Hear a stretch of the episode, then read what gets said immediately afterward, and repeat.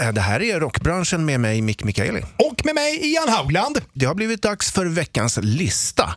Eh, ho- vad har du på gång igen? Jo, förstår jag. Jag hittade en jättefin lista här. Vi ska räkna ner de fem sämsta albumtitlarna.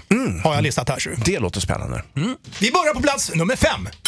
Elton John, som i mitten på 70-talet släpper det fantastiska albumet med titeln Captain Fantastic and the Brown Dirt Cowboy. Och med tanke på vad han har för preferenser i sänghalmen va, så tycker jag att det är jävligt eh, intressant. Ja, okej. jag, jag förstår vart du vill komma. Eh, Ja. Vi går raskt vidare tycker jag till punkt nummer fyra. Va? Ja, Okej, på plats nummer fyra. En ikon faktiskt. Kanske den Mhm. mest ikoniska av dem alla inom pop och rockvärlden, nämligen Paul McCartney. Jaha. Som då har släppt en platta som heter Kisses on the bottom. Okej, och eh, vad drar du för slutsatser där? Ja, Kyss med arsle helt enkelt. Alltså, ja, okej. Det tycker jag är g- ganska, med tanke på Paul McCartney borde väl ha mer erfarenhet än att släppa en sån usel. Ja, jag håller med dig. Det kanske inte är helt en puss på stjärten. Jag vet inte. Det är... Kan vara trevligt i och för sig, men eh, en usel albumtitel till lika så. Vidare. Ja, på plats nummer tre. Där har vi George Clinton. Ah, Funkadelic och, och Parliament. Och... Och han har då släppt en platta som heter Hey man, smell my finger. Det är fantastiskt. Tänk, man ser honom, han glider in på puben och, och träffar sina polare och så bara Hey man, smell my finger! Han undrar Ja. ju vart han har varit med det där fingret då innan han eh, bjuder ut det till. Ja, det, det, är lite, f- det det är lite bra titel för att det sätter igång fantasin. ja, lite äckligt och eh, uselt.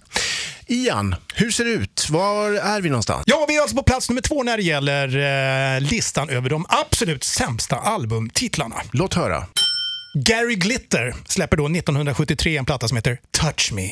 Och med tanke då på eh, hans, eh, vad ska vi säga, eh, pedofiliska mm, utflykter som han har Åh, haft här. ja, du tänker så. har jag, det, det blir lite äckligt, det blir jävligt äckligt till och med. Och frågan är ju, om han skulle ha släppt den här plattan idag, skulle den ha blivit en hit? Nej, det, där, där tror jag att du har helt rätt i dina tveksamheter. Ja.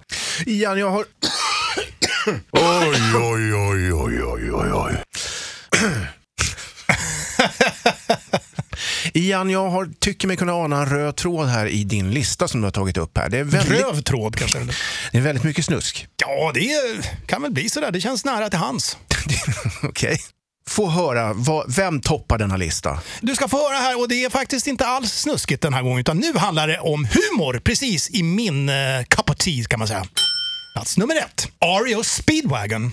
AOR-bandet från eh, ja, 80-talet framförallt då. Släpper då en platta som heter, lyssna här, You can tune a piano but you can't tune a fish. You can tune a piano but but you can't tune a fish. Ja, det- jag tycker det är st- storstilat. det, är, v- det är väldigt göteborgskt alltså. Ja, det är det precis. Eh, Det är, det, det, är, det är lite fyndigt, men det är inte så bra som man ska döpa en hel platta till det. Det är så jävla dåligt så att det är världsbäst tycker jag. Därför hamnar han på plats nummer ett enligt min lista här. Så. Ja, underbart. Rockklassiker. Klassiker. Ett poddtips från Podplay. I fallen jag aldrig glömmer djupdyker Hasse Aro i arbetet bakom några av Sveriges mest uppseendeväckande brottsutredningar.